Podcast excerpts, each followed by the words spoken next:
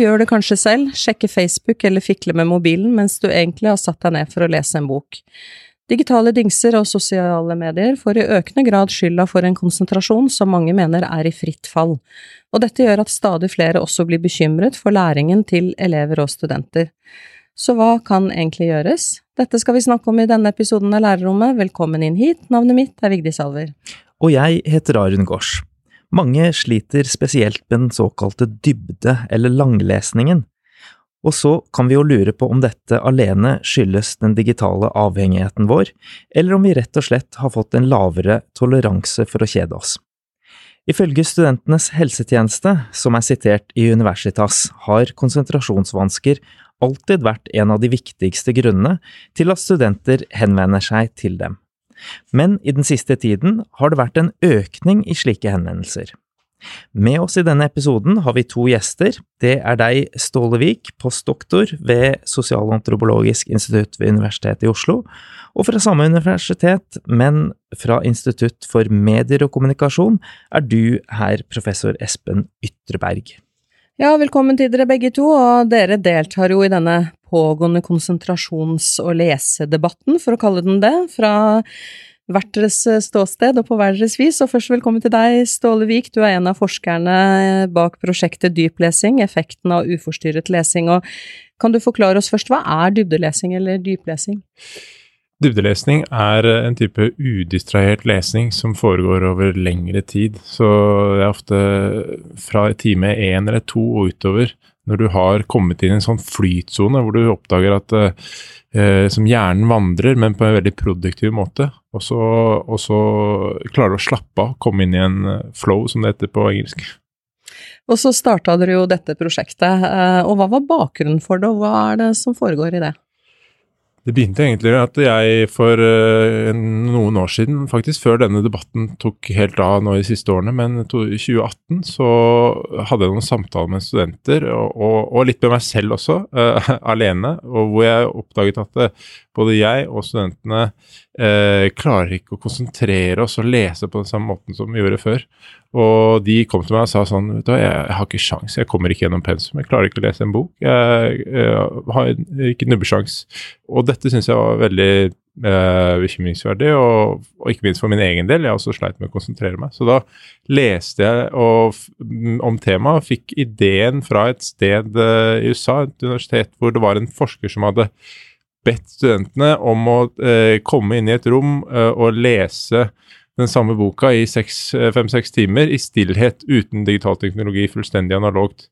Og det hadde vært kjempepopulært og veldig, fikk noen interessante resultater. Og da tenkte jeg hvorfor kan vi ikke gjøre dette også i, på Universitetet i Oslo. Og det gjør dere uh, med studenter, og det har pågått hvor lenge da? 2018 var det første gangen vi ja. begynte med dette her. Og hva er det dere har funnet ut av? For det første så er det veldig interessant at uh, det er ganske populært. Uh, studentene de, de, ser på meg og spør liksom sånn Endelig er det noe som, som tar tak i dette og hjelper oss. Og så uh, syns jeg det er interessant også at når studentene kommer sammen uh, og tar et valg sammen, vi skal lese denne boka, vi skal være den type studenter som vi ønsker å være, så blir de veldig glad for at de ikke har så mange valgmuligheter. Så det er liksom uh, følelsen av at uh, du slipper ikke å velge skal jeg ta på mobilen nå, eller skal jeg ikke gjøre det. Skal jeg være på e-post, eller skal jeg ikke? Skal jeg sitte her, eller skal jeg sitte der? Hva skal jeg lese? Når skal jeg gå hjem? Skal jeg spise lunsj? Skal jeg ikke spise? Alle disse valgene er på en måte tatt for dem uh, i dette seminaret. De trenger bare å møte opp og være en del av en gruppe og jobbe sammen. Så da syns jeg det er interessant at de rapporterer en slags følelse av frihet eller, eller handlekraft når de faktisk får litt færre valgmuligheter og kommer sammen i et rom og jobber som en gruppe og konsentrerer seg bedre. Og hvordan eh, reagerer studentene på å bli fratatt eller gi fra seg digitale distraksjoner som mobil og PC? Du sa jo noe om det, men kan du si noe mer? Ja, det er akkurat det at de har en slags sånn mestringsfølelse. Vi har gruppeintervjua dem eh, foreløpig, og så har vi filma dem og gjort en del kontrollgrupper og en del andre metoder som forsøker å få tak i hva det er som faktisk foregår. Men foreløpig så har vi gjort noen gruppeintervjuer øh, over flere år, og der er det, det et tema som kommer opp at de får en sånn følelse av stolthet. Sånn jeg klarte faktisk dette her. Jeg, jeg kan være litt mer den type student som jeg trodde jeg skulle være. For det, det er noe av problemet. og Det spesielle er at vi står opp om morgenen og så sier vi denne dagen kommer til å bli kjempebra. Jeg har et uh, mål, og jeg skal lese det, det, den teksten, jeg skal skrive det, alt dette her. Og så kommer du på kvelden og så ser du hva er det jeg har gjort. Uh, hvorfor var, ble det ikke sånn? Jeg har vært fire timer på vg.no og lest om Therese Johaug. Uh, det var på en måte aldri det, Hvordan ble det sånn? Jeg føler ikke at det er meg. Så når du klarer å leve litt mer i tråd med den som du ønsket at du skulle være, så får du en slags mestringsfølelse, en, en slags gjenvunnet stolthet. Da.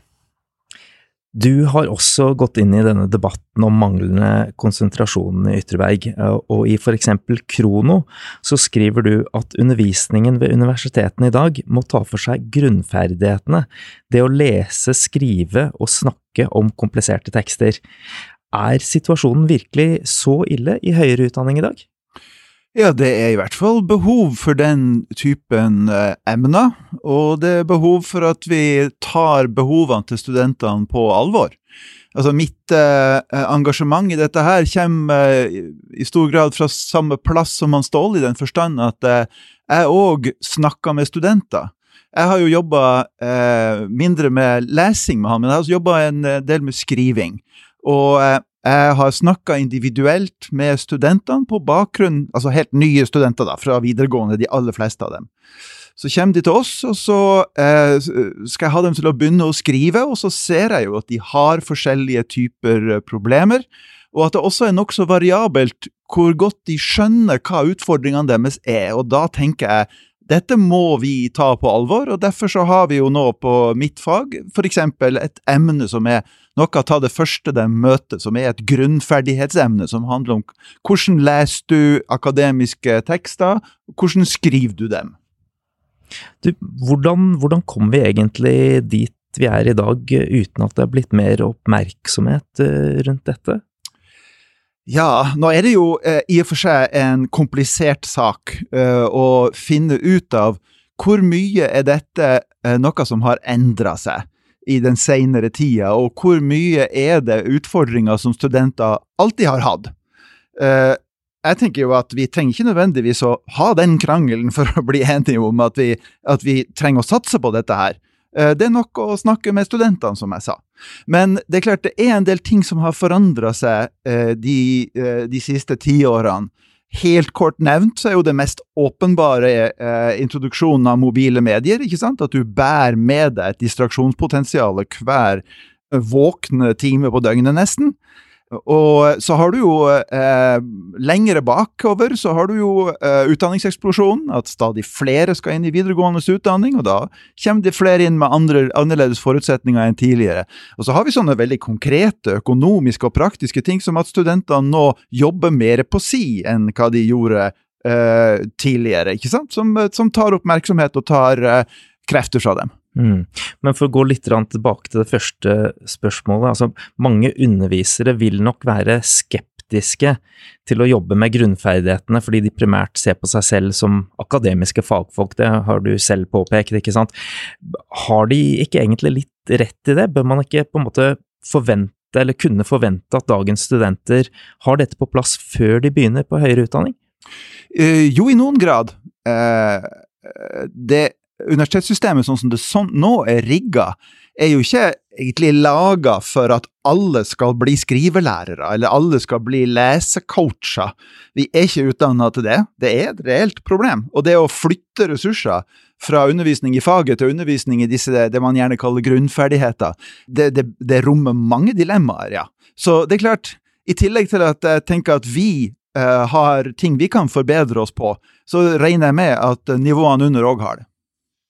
Jeg, jeg, tror det er helt riktig. Jeg tror at det, det ligger et sånn grunnleggende spørsmål her, som er eh, hva er oppgaven til universitetet, og hva er oppgaven til utdanningsinstitusjonene? Og jeg tror at det alltid er en sånn eh, avveining om vi må prøve å tilpasse oss samfunnet. sant? Vi kan ikke sitte der med steintavler. Vi må eh, få nye medier, vi må tilpasse oss den eh, massen studenter som kommer.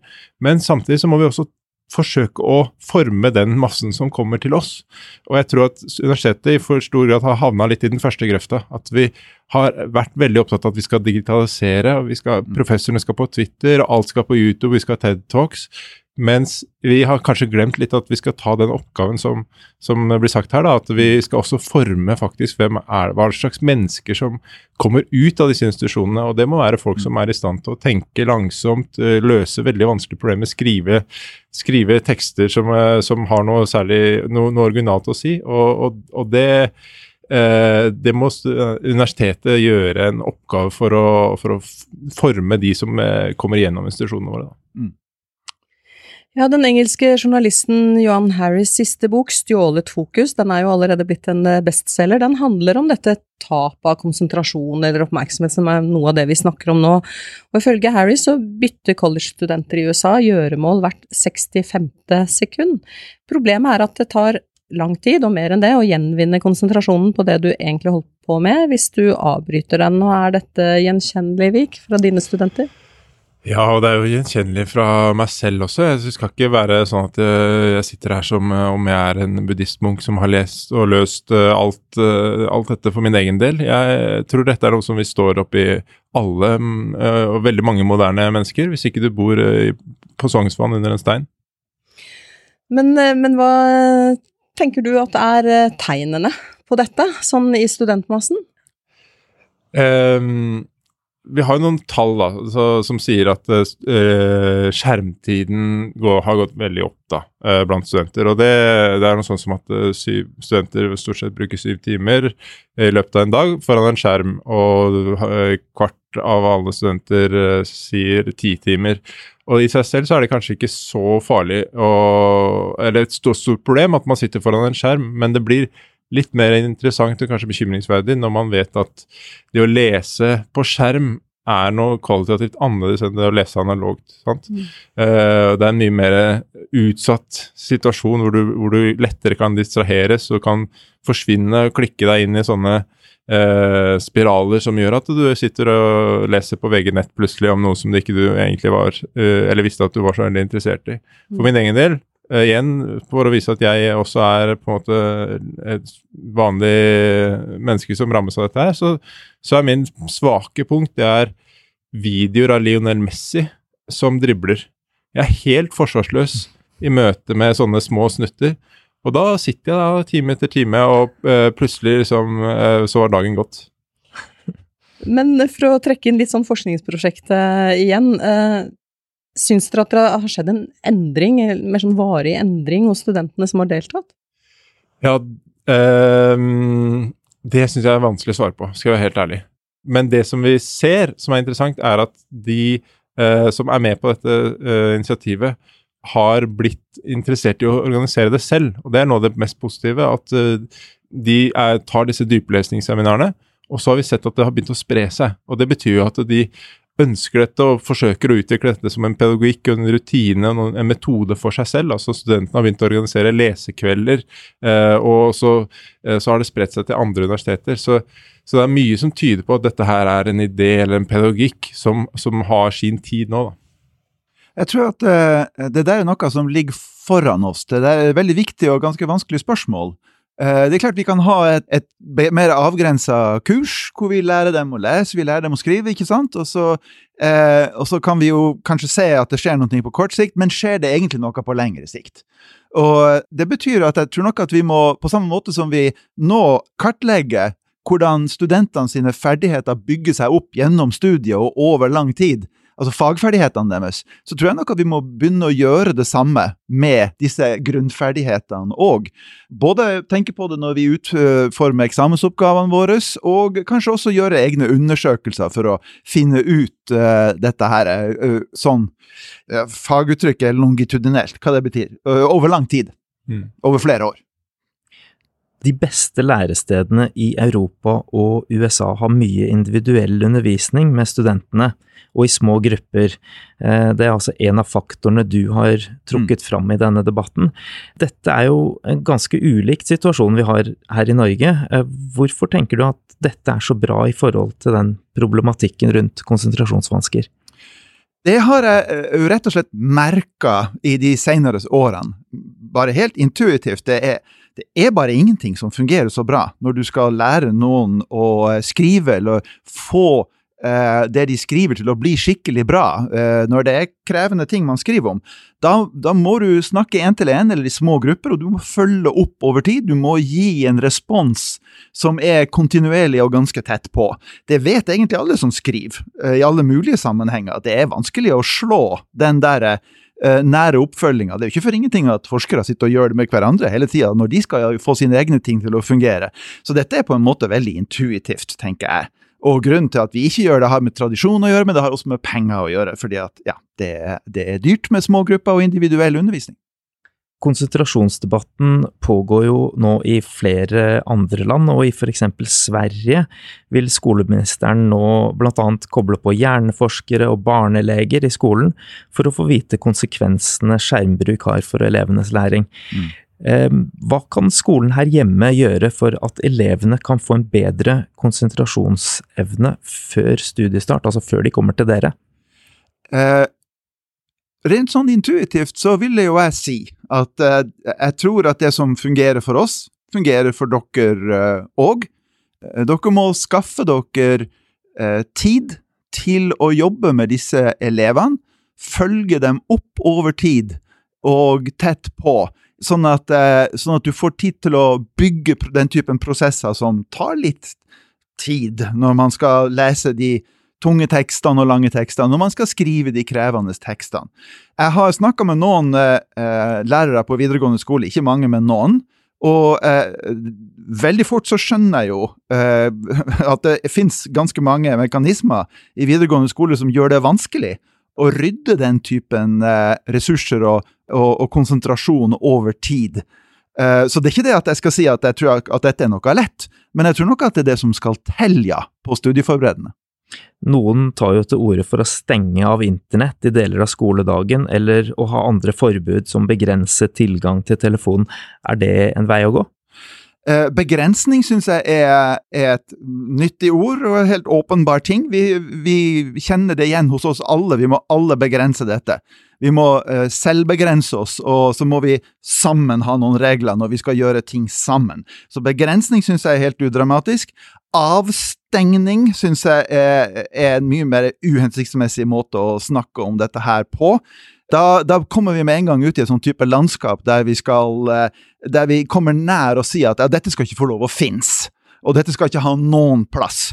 Og eh, digitale medier og digitaliseringa er blitt så gjennomtrengende nå at det å skulle stenge den helt ute det vil få, veldig fort få en masse uønska sideeffekter. Jeg er dessuten ikke helt overbevist om at det, det er det eh, Det er så stort problem i skolen. Altså, det blir jo anekdotisk, men jeg snak, kjenner jo for lærere, jeg snakker med lærere.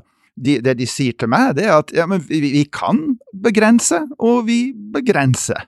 Men det er klart, eh, livet og samfunnet og verden rundt, og den, alt det det gjør med eh, elevene, det kan jo ikke disse lærerne noe for.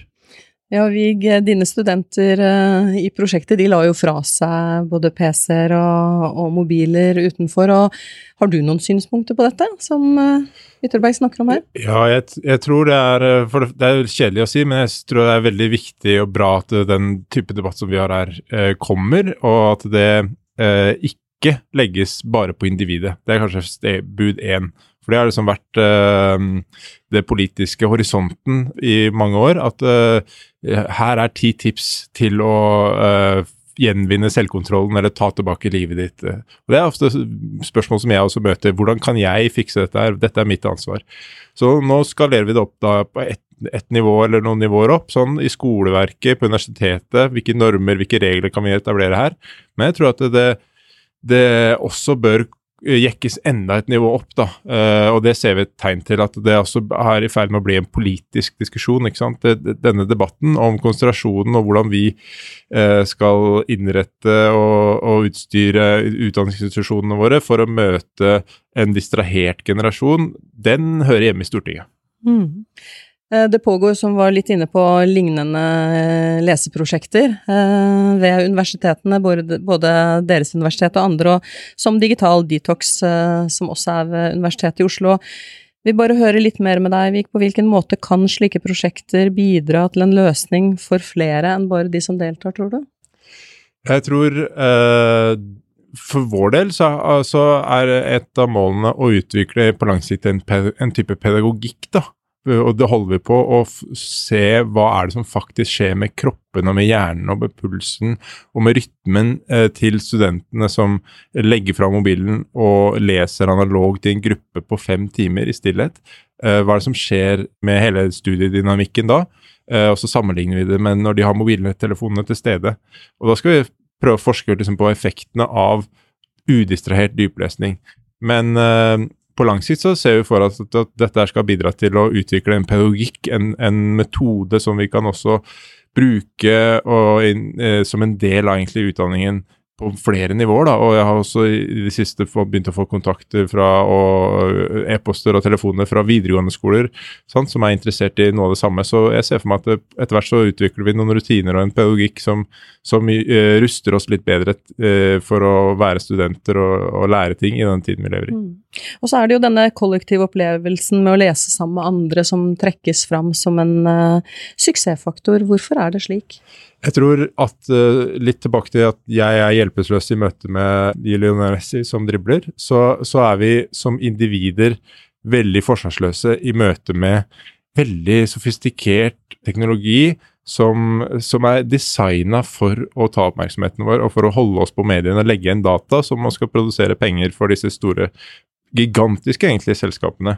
De har brukt uh, noen av de beste forskerne, og designerne arkitektene, digitale arkitektene for å komme fram til disse veldig uh, brukervennlige, men også veldig ja, avhengighetsskapende etter hvert uh, mediene.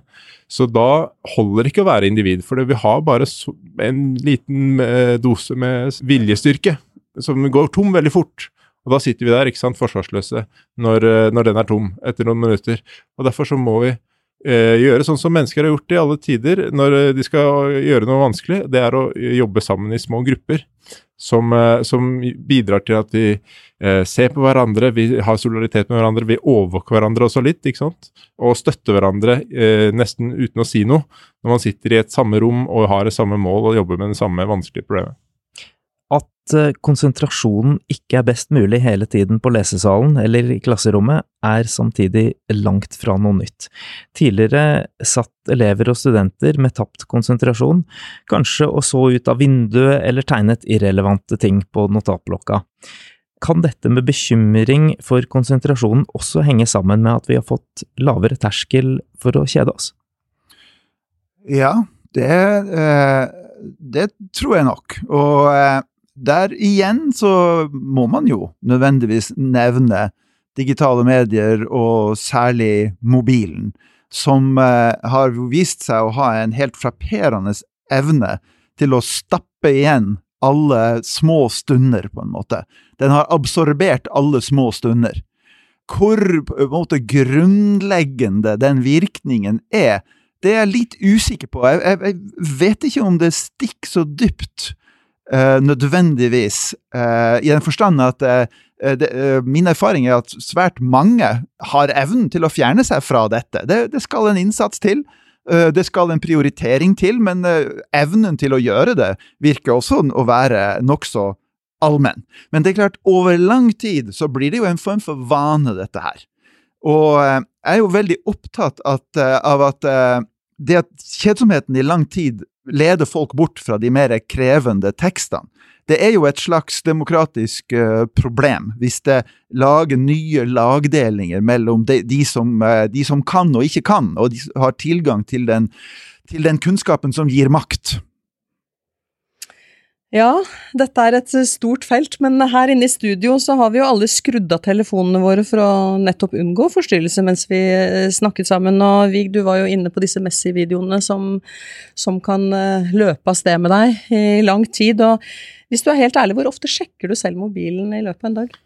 Uh, det er helt sikkert mye flere ganger enn det jeg selv skulle ønske. Jeg vet faktisk ikke. Men jeg har også prøvd å litt i tråd med det vi snakker om, uh, innrette mobilen min sånn at den framstår litt mer som et verktøy og litt mindre som en uh, heroinsprøyte. Og det handler om å sette den på svart-hvitt og fjerne alle sosiale me alle medier. Gjøre den uh, så dum som jeg kan gjøre den, da. Uh, samtidig som jeg ønsker å ha tilgang til en del av de flotte tingene som er på en smarttelefon.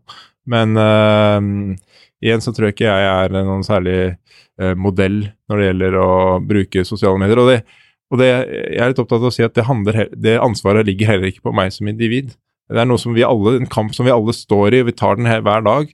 Men, eh, men, eh, på en eller annen måte så må dette diskuteres på et politisk eller på et mer strukturelt nivå da, i institusjonene. Og du Truberg, hvor eh, ofte sjekker du mobilen din, eller hva, hva slags tanke gjør du deg om det Vik sier her? Jeg, har, jeg, gjør jo en del av de samme praktiske tingene, slå av push-varsler og sånn.